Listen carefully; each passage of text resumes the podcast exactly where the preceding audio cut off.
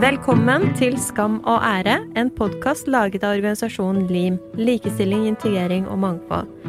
Vi skal ta opp dagsaktuelle temaer og tabulagte saker. I dag har vi med oss Omar Orhan Akhtar, tidligere styreleder i organisasjonen Salam, og en aktivist som har jobbet for skeives rettigheter blant muslimske organisasjoner. Velkommen. Takk. Jeg vil gjerne høre litt eh, Jeg leste først om deg i 2016 da du sto frem i Aftenposten, og så fikk jeg ikke så veldig mye informasjon om din bakgrunn og utdanning, ja, alt dette her, men eh, vil du fortelle litt her i dag? Det kan jeg godt gjøre. Um, altså, jeg kan jo starte med dette innlegget, i og med at det var det du nevnte aller først. Da. Um, så var jo det en litt sånn impulsiv handling fra meg tilbake igjen i 2016.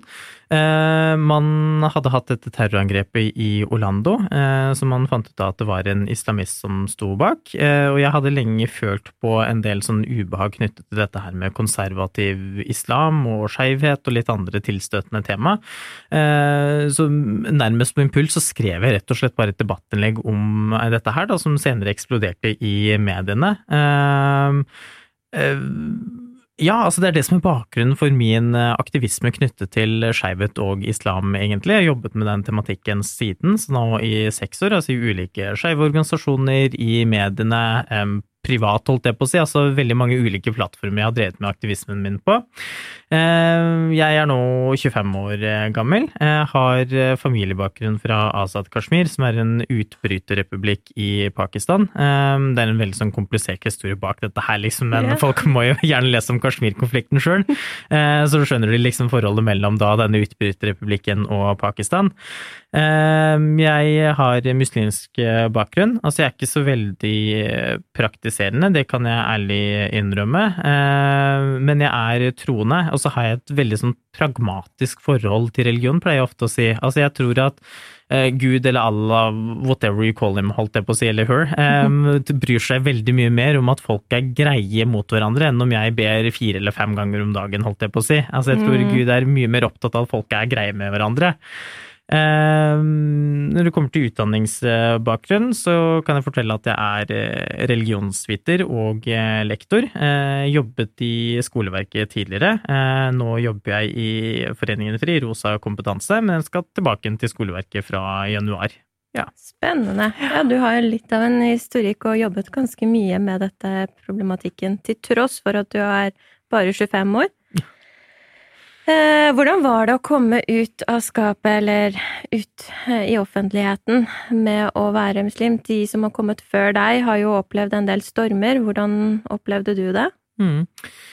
Um, jeg tror sånn sett ikke at min eh, erfar mine erfaringer eller min historie er så veldig unik og ulik den andre skeive bakgrunnen har hatt. Mm. Eh, at man får en veldig sånn todelt reaksjon. Altså det norske storsamfunnet eller majoritetssamfunnet reagerer som oftest veldig positivt, og det merket jeg også da jeg eh, kom ut av dette famøse skapet, at reaksjonen fra det norske storsamfunnet var veldig positiv. Jeg forsøkte ikke se så altfor mye hva som rørte seg i medier og kommentarfelt, holdt jeg på å si, på Facebook og sånn, fordi at uh, veldig mye rart som dukker opp der, egentlig, da. Det er ikke sunt eh, for den mentale helsen. det er ikke det, og det merker man veldig godt, liksom. Altså, det er veldig ofte man tenker at de kommentarfeltene de burde modereres mye hardere enn de blir i dag. Ja. Uh, men altså, det jeg bet meg merke i, var jo at de som først og fremst kom med negative kommentarer, det var jo folk som selv jeg vil anta at har muslimsk bakgrunn. Nå kan jo ikke jeg se på et bilde av en person og si at de er muslimer eller ikke, men altså navnene var i hvert fall uh, muslimsklingende, hvis jeg kan si det på den måten. Og det var jo først og fremst fra dem at det kom negative reaksjoner, da. Mm. Eh, mens det ja, på generell grunnlag var en overveldende positiv reaksjon. Eh, og så da jeg kom ut, så var jeg på det tidspunktet den yngste skeive muslimen som har kommet ut i Norge. Ja, det eh, mener jeg å huske, ja. for du var veldig ung. Det stemmer, for jeg var jo bare 18 år gammel da jeg ja. kom ut. Eh, de andre som hadde kommet ut, var type Amalatna og kalt Kaltam Alexander Lie, og de har jo vært pionerer, holdt jeg på å si, store forbilder for meg, men disse var jo betraktelig eldre enn meg også.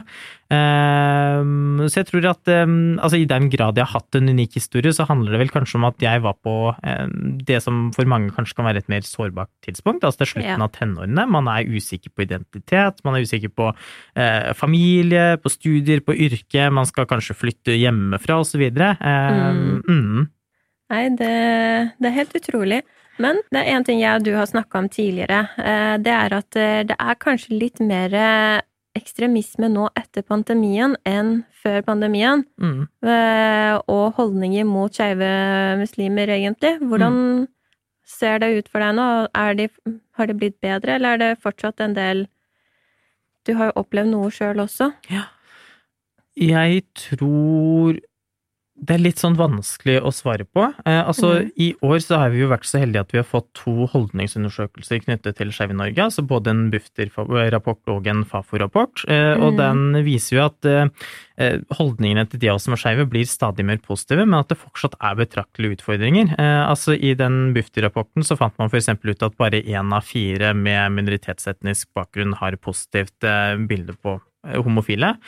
Og så er det jo slik at utfordringen med veldig mange slike rapporter er at veldig mange faller inn i en sånn gråsone. Altså veldig mange vet ikke hva de mener om skeive, altså være det seg homofile, lesbiske eller transpersoner, da.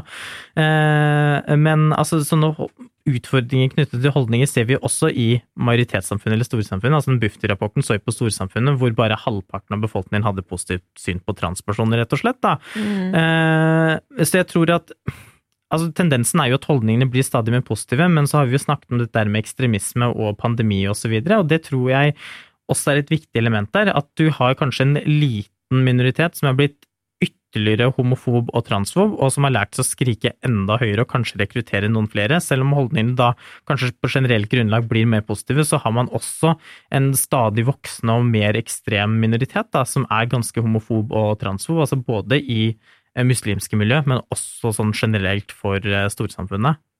Ja, det var akkurat det jeg tenkte på, for jeg ble så sjokkert i sommer der eh, enkelte små grupper kunne fortelle at de henviste til koranvers eller verser i haditene om at homofile kunne bli dømt til steining, blant annet. Og der lurer jeg på, hva sier egentlig Koranen om homofili? Ja. Uh, nå spør du veldig godt, Sara. Ja. Svar så godt du kan. ja.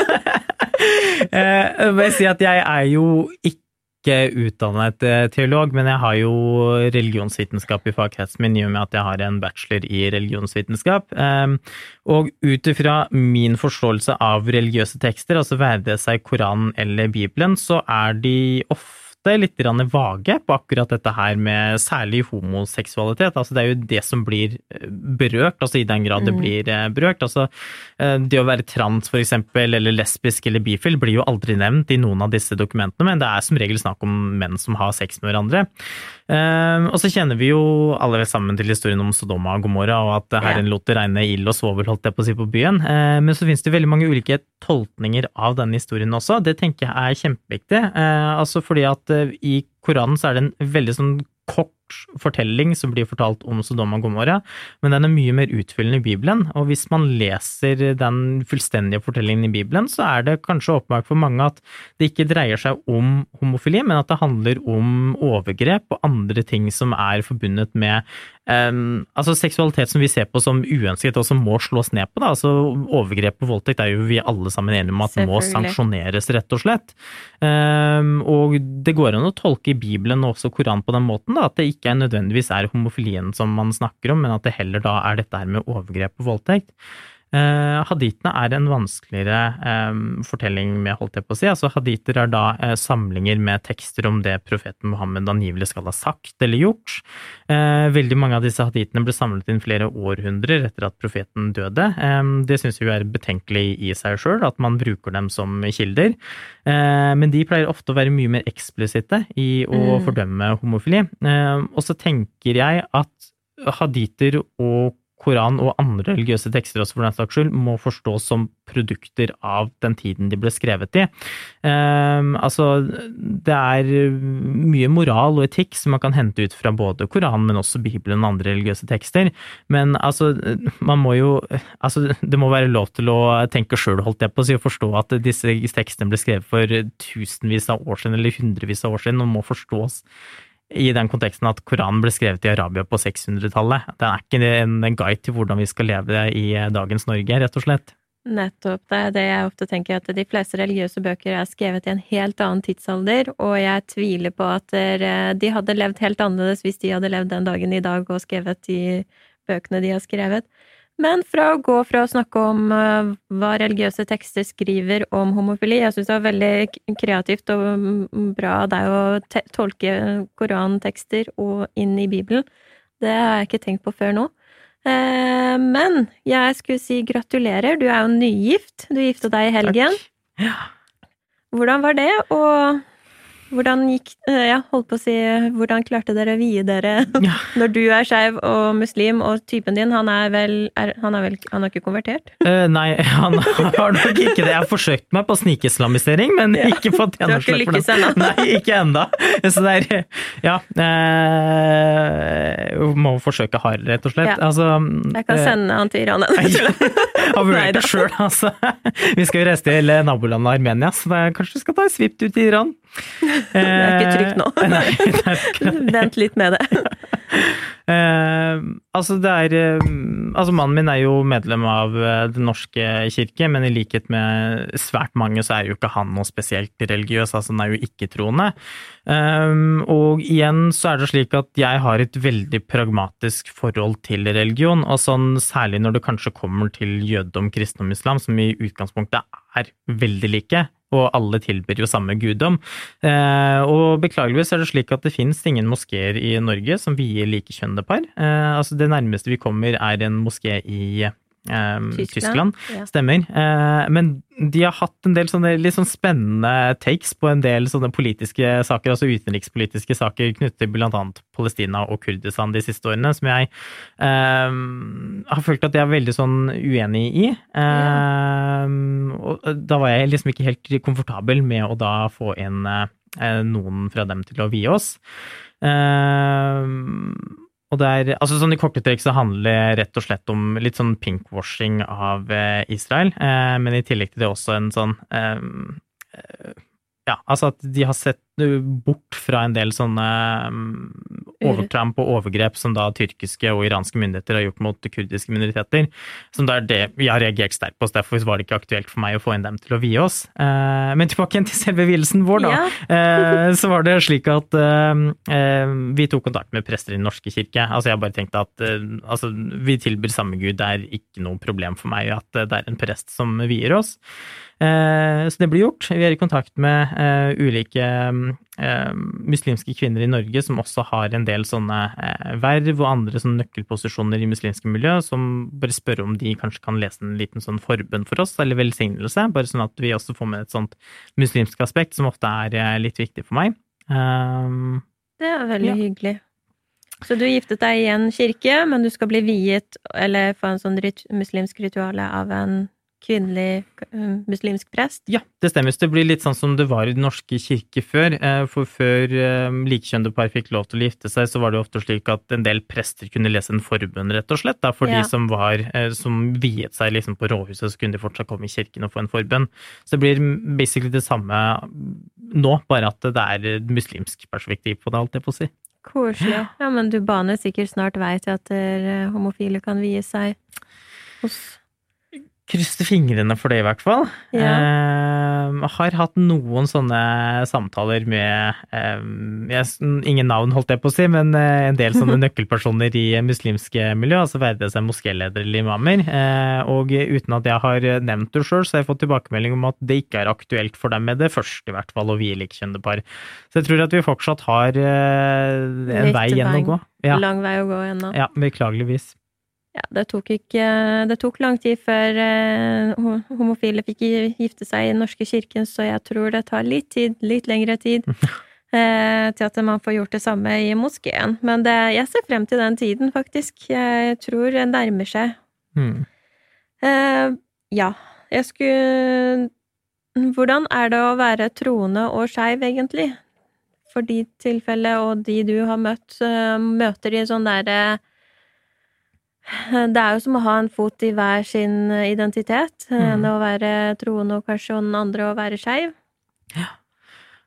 Absolutt. Eh, altså, jeg har hatt mange identitetskriser, og det tror jeg veldig ja. mange andre som er skeive og muslimer også har. At man blir slitt mellom eh, det at man har lyst til å leve som den personen man er, altså at man er skeiv, men at man samtidig har ganske mange kulturelle og religiøse bånd til liksom sitt etniske eller religiøse miljø, da. Eh, og beklageligvis er det slik at uh, ting som negativ sosial kontroll og æresrelatert vold, det forekommer rett og slett, og mange er redde for å være seg sjøl, altså leve det livet de selv ønsker.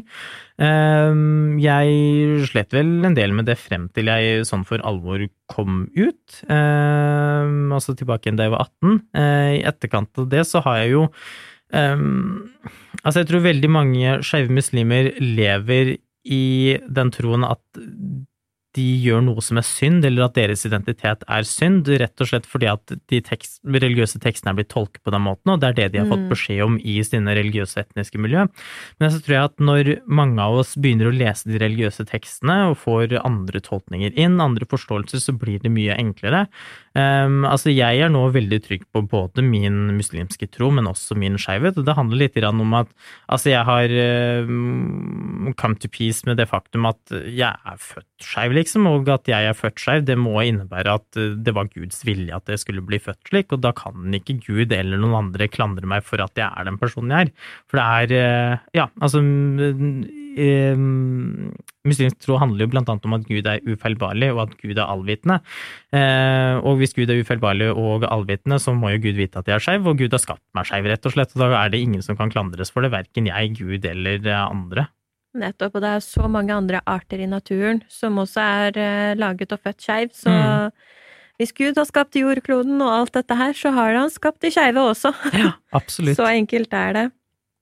Uh, jeg lurte litt igjen på hvor uh, etter den terrorhendelsen i sommer mot den skeive bevegelsen, så har det jo tatt litt lang tid før de trossamfunnene, muslimske trossamfunnene kom på banen og fordømte mm. dette her. Åssen har brobyggingsarbeidet vært for å jobbe med dem? Ja. Med å ekspektere og samarbeide med organisasjoner, med de skeive organisasjonene? Mm. Um, veldig godt eh, spørsmål. Um, altså jeg må bare få skyte inn at jeg um, syns man skal være litt sånn påpasselig med um, å kreve statements fra muslimske trossamfunn etter terrorangrep, særlig når det er muslimer som står bak. Uh, fordi at jeg er veldig redd for at det skaper et narrativ om at når muslimer driver med terror, så må muslimske trossamfunn komme på banen og si beklager og forklare at de ikke står for det. Uh, når det er ganske kraftig, godt dokumentert da, i ulike undersøkelser at de fleste muslimer tar avstand fra vold og terror. Uh, men jeg tenker jo at det er um, betenkelig at disse ikke snakket om det tidligere. Altså, jeg tenker f.eks. på i forbindelse med pride før terrorangrepet, så merket man at det var høy temperatur i kommentarfelt, i mediene, veldig mange som spredte usannheter og løgner om eh, pride, men også Foreningen FRI, om de av oss som er skeive. Eh, og der var jo f.eks. Den norske kirke aktivt ute og forklarte at eh, nå må folk virkelig roe seg ned, at Den norske kirke har jobbet mye med skeive organisasjoner, og da syns jeg det var betenkelig at f.eks. ikke muslimske organisasjoner gjorde det samme. Ehm, når det kommer til samarbeidet med eh, skeive Nei, unnskyld, med muslimske organisasjoner, eh, så er det slik at da jeg var leder i Salam, den korte perioden jeg var der, ehm, så tok jeg og noen imamer initiativ til å ha noen møter sammen, rett og slett, for å snakke om hva man kunne gjøre for å eh, gjøre moskeene tryggere for eh, skeive muslimer. Eh, og det fikk jeg da vite at beklageligvis er noe som ikke er blitt gjort på flere år. Eh, altså at eh, Salam og andre organisasjoner kanskje har satt det arbeidet på en pause i flere år, og at det ikke har mm. skjedd så veldig mye der. Og det er jo veldig um, trist for svært mange, altså mest for skeive muslimer som opplever at det da ikke er blitt gjort noe arbeid med de muslimske miljøene. Um, og så må jeg innrømme at det er vanskelig. Um, altså, det er slik at um, de fleste moskémiljø i Norge er ikke mer konservative enn type konservative pinsemenigheter, holdt jeg på å si, men fortsatt så er jo det en utfordring for skeive muslimer. Uh, så veldig ofte når jeg har gått inn i moskeer for å snakke med imamer og moskéledere, så har jeg jobbet ut fra et standpunkt om at jeg ikke skal endre på teologien deres, uh, fordi at hvis jeg kommer inn og forteller at jeg skal forandre på måten de uh, tror på eller ber på, ja, så kommer ikke det til å fungere. Altså, de går i vranglåsen med en gang, og det har de ikke lyst til. Så når jeg er i moskeer, så snakker jeg mer om at man eh, ikke skal snakke negativt om de av oss som er skeive. At man skal mm. slå ned på bruken av f.eks. homo som skjellsord.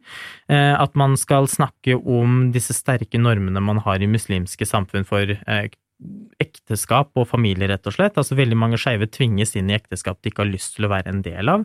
Og det er en uting, det må vi snakke om. Ehm, og ikke minst pride. Eh, at det kan godt hende at moskeene ikke er så veldig kine på pride, men da kan de bare la være å snakke om det heller enn å uttale seg negativt. Så jeg har ofte en sånn liten punktliste med ting som jeg pleier å presentere for dem, da. Altså ting som ikke går på dette med teologi eller liturgi, men bare sånne ting som de kan gjøre for å gjøre det litt bedre for skeive muslimer å komme i moskeen. Det høres ut som du har klart å gjøre mye i løpet av den korte tiden du var i Salam. Takk. for å skape brobygging. For det jeg er redd for, er at Eller ikke bare redd for, det jeg vet fra før av, er at det veldig mange unge og eldre lever et dobbeltliv mm. av skamkulturen og for å opprettholde familiens ære og slike ting. Eh, og da lever man enten i skapet, eller så lever man et dobbeltliv der man jeg vet om flere som eh, tar en uke fri i pride-uka og reiser til Oslo, også de bor jo andre steder i Norge, har familie og barn og alt dette her, for å være seg selv den ene uka i, Norge, eh, i året, liksom. Og det er jo en stor utfordring, og det gjelder egentlig flere aldersgrupper, ser jeg. Til og med en veldig eldre generasjon som eh, ikke tør å komme frem eller stå opp mot denne ukulturen, da.